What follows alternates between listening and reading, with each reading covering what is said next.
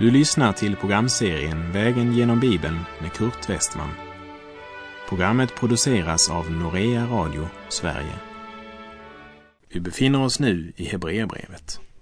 Slå gärna upp din bibel och följ med. På vår vandring genom de två första kapitlen i Hebreerbrevet har vi sett att Kristus är Herre över profeterna och han är över änglarna.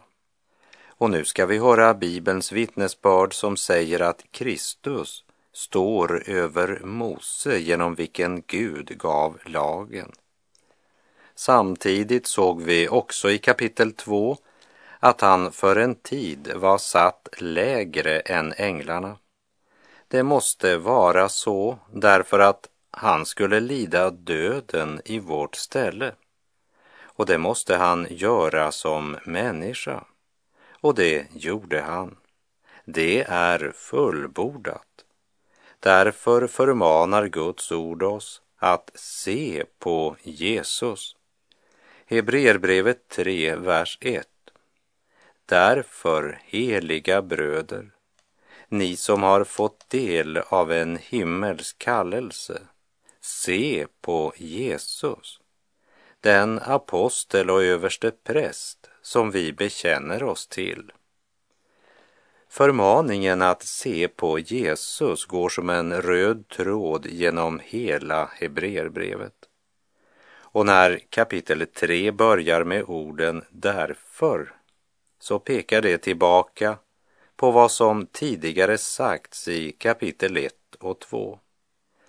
Samtidigt är det som om ordet därför ville säga oss det enda logiska för den som fått del av en himmelsk kallelse är att se på Jesus. Om vi bekänner oss till honom så är det enda naturliga att vi också fäster vår blick på honom. Det är som om Hebreerbrevets författare ville säga Se tillbaka på det som jag har sagt i de två första kapitlen och hör nu noga efter på vad jag nu ska säga.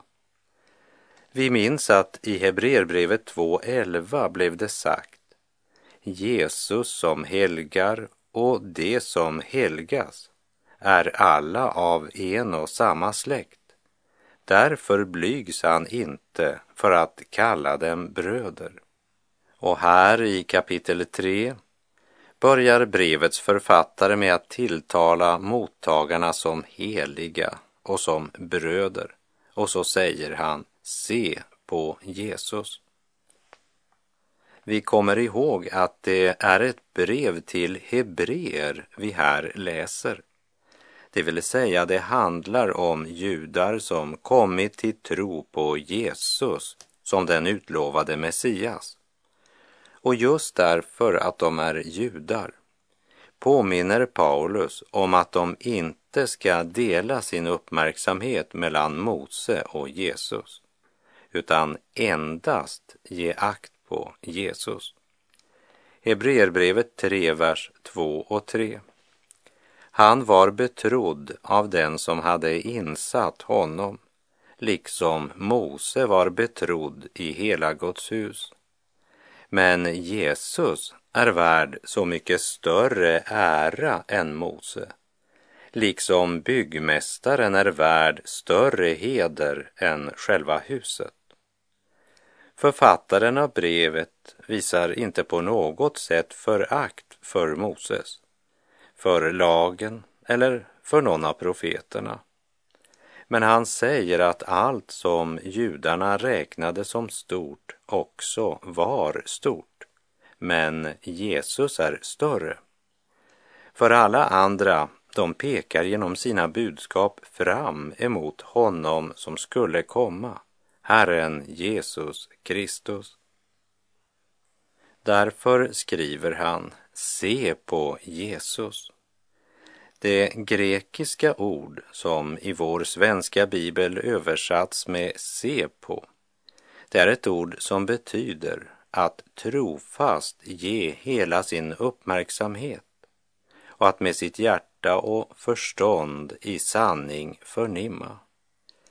Det säger oss att vi behöver inse att orden se på Jesus betyder att vi ska inte bara rikta vår blick men också vår tanke, hela vårt hjärta, vår längtan och vårt hopp till Jesus och endast till Jesus.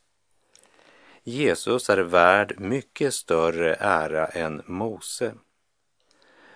Orden han var betrodd av den som hade insatt honom är i norsk bibel översatt han var trogen mot honom som hade insatt honom.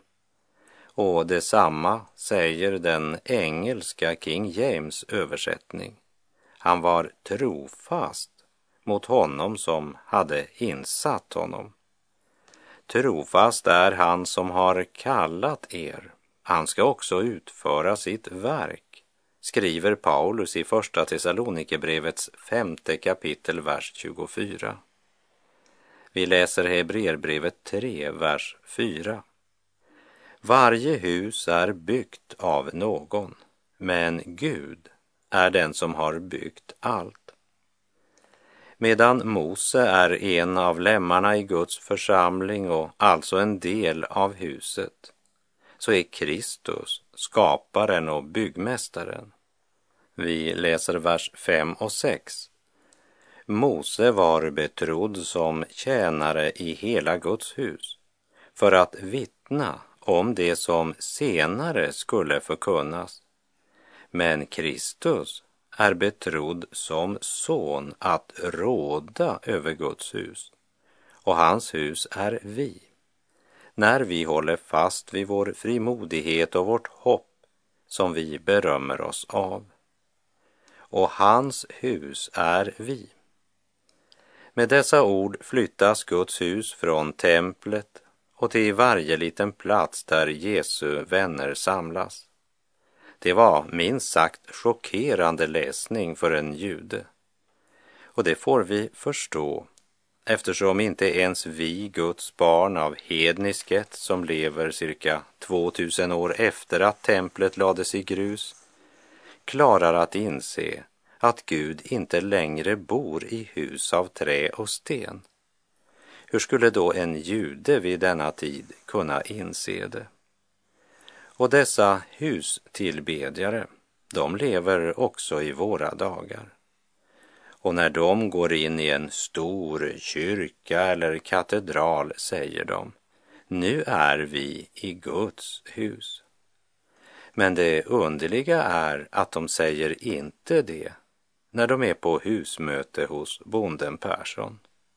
Och någon av dessa husdyrkare, de går så långt att de ville protestera om en lekman steg innanför altarringen, läste Guds ord och bad eller delade ut Herrens nattvard. Så djupt rotade är de i det gamla förbundet. För sådana så är Guds hus en byggnad av trä eller sten. Petrus skriver i sitt första brev kapitel 2, vers 5. Och låt er själva som levande stenar byggas upp till ett andligt hus, ett heligt prästerskap som ska frambära andliga offer som Gud tack vare Jesus Kristus tar emot med glädje. Guds hus är vi säger Hebreerbrevet, när vi håller fast vid vår frimodighet och vårt hopp. I sitt brev till sin medarbetare Timoteus så skriver Paulus i första Timoteusbrevet 3, vers 15. Men om jag dröjer ska du veta hur man bör förhålla sig i Guds hus, som är den levande Gudens församling sanningens pelare och grundval. Guds hus som är den levande Gudens församling. Och i Första Korinthierbrevet 3.16 skriver han Vet ni inte att ni är ett Guds tempel och att Guds ande bor i er? Hebreerbrevet 3.6 säger men Kristus är betrodd som son att råda över Guds hus och hans hus är vi när vi håller fast vid vår frimodighet och vårt hopp som vi berömmer oss av. Och när Paulus höll sitt tal på Europagen så sa han till dessa religiösa atenare i Apostlagärningarna 17.24. Gud är den som har skapat världen och allt som är i den. Han som är Herre över himmel och jord bor inte i tempel som är gjorda av människohand. Bor inte i tempel som är gjorda av människohand. Tydligare än så kan det inte sägas. Och hör detta Herrens ord från Efeserbrevet 2, verserna 20 till och med 22. Ni är uppbyggda på apostlarnas och profeternas grund, där hörnstenen är Kristus Jesus själv. Genom honom fogas hela byggnaden samman och växer upp till ett heligt tempel i Herren. I honom blir också ni uppbyggda till en Guds boning genom Anden. Guds hus i den nya pakten, det är Guds folk.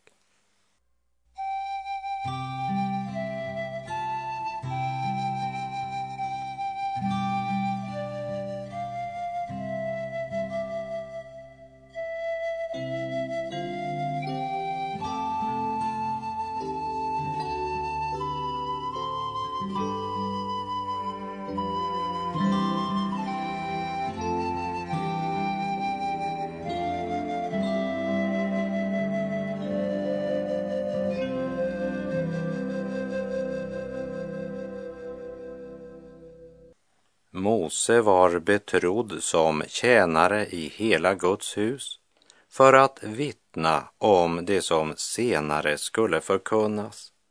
Men Kristus är betrodd som son att råda över Guds hus och hans hus är vi när vi håller fast vid vår frimodighet och vårt hopp som vi berömmer oss av. Hans hus är vi när vi håller fast vid vår frimodighet och vårt hopp. Det vill säga, när vi inte håller fast vid vår frimodighet och vårt hopp så är vi inte Guds hus. I Efesebrevet 3.12 skriver Paulus I honom och genom tron på honom kan vi frimodigt och med tillförsikt träda fram inför Gud. Och Johannes skriver i Johannes kapitel 1, vers 17. Ty lagen gavs genom Mose, nåden och sanningen kom genom Jesus Kristus. Kära vän, endast genom förlossningen i Jesu blod kan vi med frimodighet träda fram inför Gud. Den Gud som en gång talade från Sinai berg och gav oss sin heliga lag genom buden.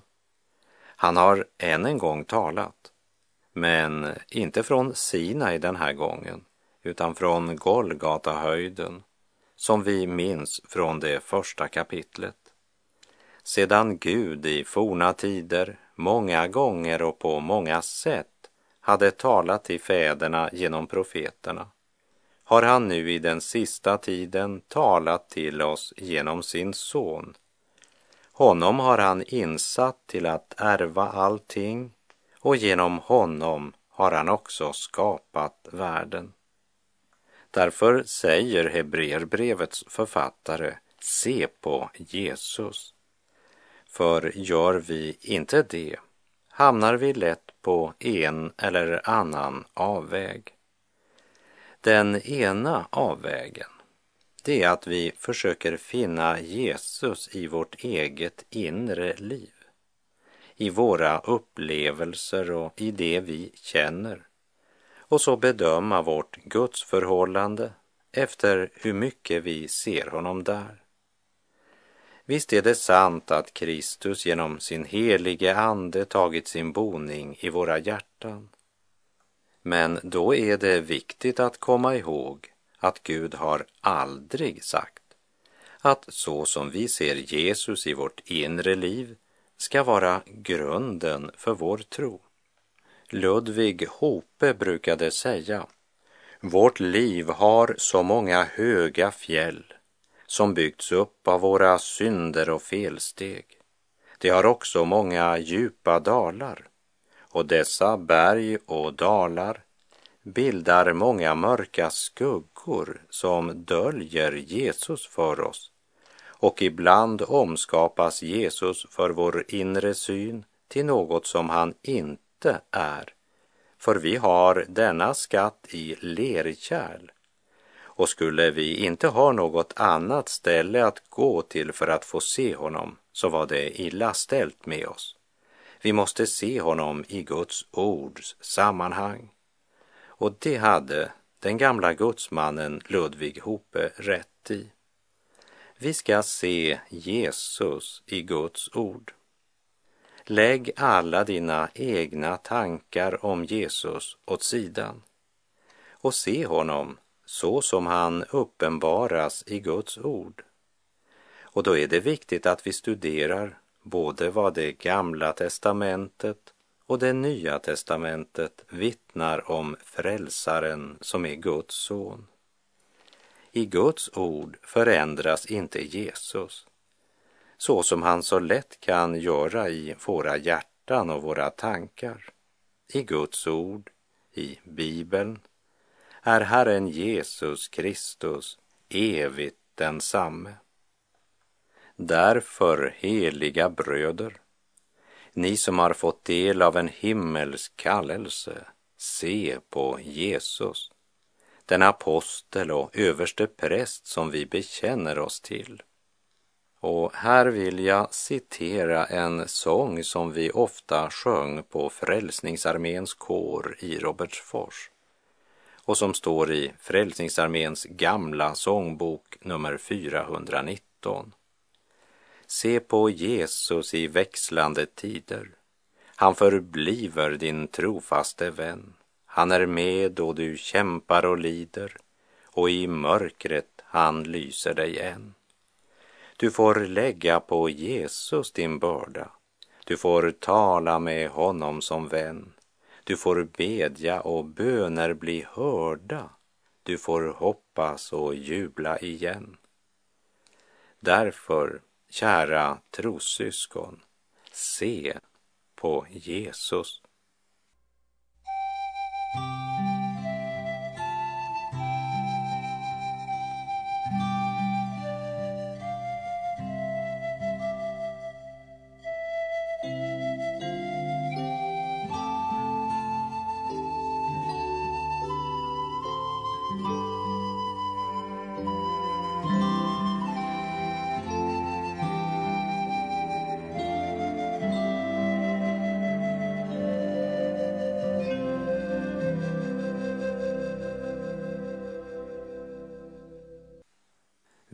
Läser Hebreerbrevet kapitel 3, verserna 7 till och med 11.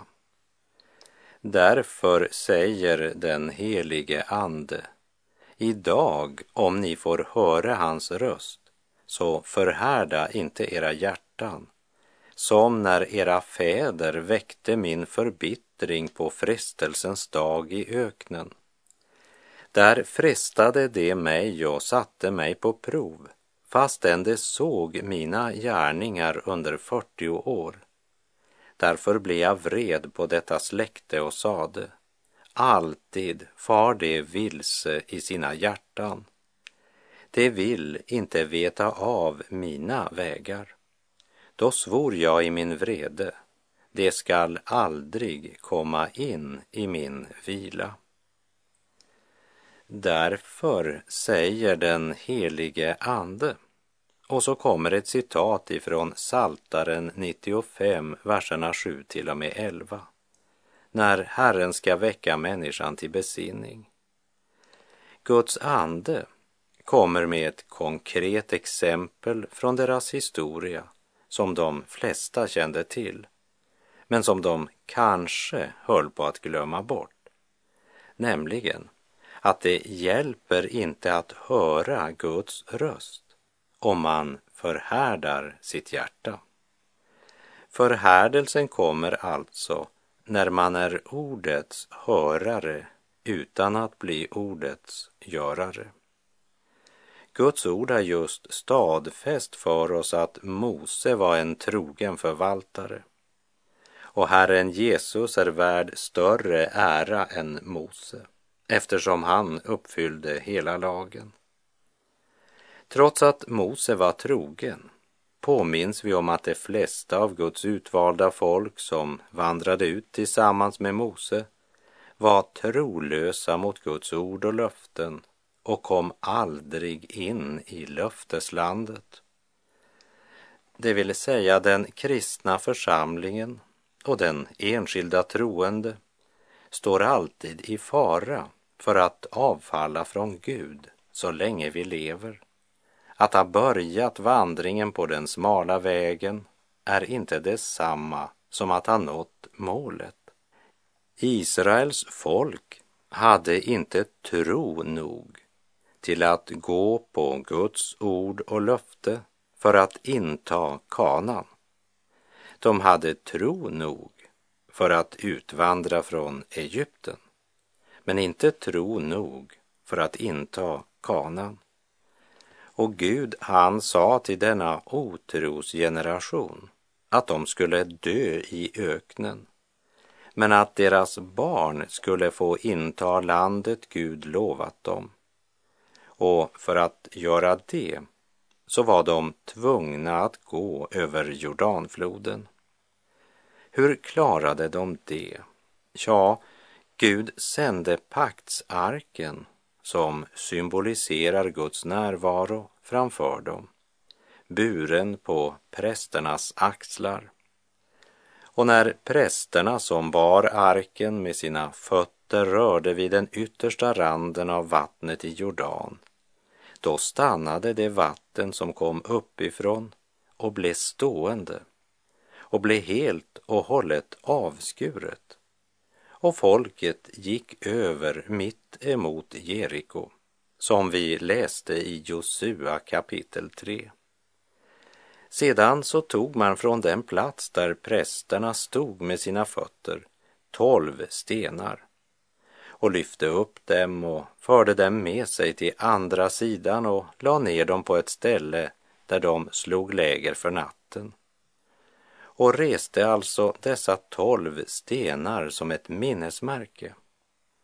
Sedan tog de tolv stenar från löfteslandet och la tillbaka mitt i Jordanfloden. Så när vattenmassorna återströmmade och täckte dessa tolv stenar så var stenarna som dränktes under vattnet en illustration av Kristi död medan de tolv stenar som tagits från flodbotten och som rests till ett minnesmärke på löfteslandets strand, det talade om Kristi uppståndelse. Paulus han talar om detta när han i Romarbrevet 6, vers 4 säger Vi är alltså genom dopet till döden begravda med honom för att också vi ska leva det nya livet liksom Kristus uppväcktes från de döda genom Faderns härlighet. Vi är nu förenade med Kristus och det är det enda sätt på vilket vi intar kanans löften i det nya förbundet. Idag, om ni hör hans röst, så förhärda inte era hjärtan som era fäder väckte min förbittring på frestelsens dag i öknen. Där frestade de mig och satte mig på prov, fastän de såg mina gärningar under 40 år. Orden prov och frestade, det är en översättning av de hebreiska orden massa och meriba. Efter undret med mannan och vatten ur klippan vid Horeb gav Gud platsen dessa namn. Det står i Andra Mosebok 17.7. Och han gav platsen namnet Massa och Meriba eftersom Israels barn hade klagat och satt Herren på prov och sagt är Herren ibland oss eller inte? Och med samma otroshållning satte de på nytt Guds tålamod på prov efter att de under 40 år erfarit Guds omsorg. Och vad Guds ord vill säga oss det är att vid gränsen till löfteslandet stod de också vid gränsen för Guds tålamod som vi ser av vers 10 och 11. Därför blev jag vred på detta släkte och sade Alltid far det vilse i sina hjärtan. De vill inte veta av mina vägar. Då svor jag i min vrede.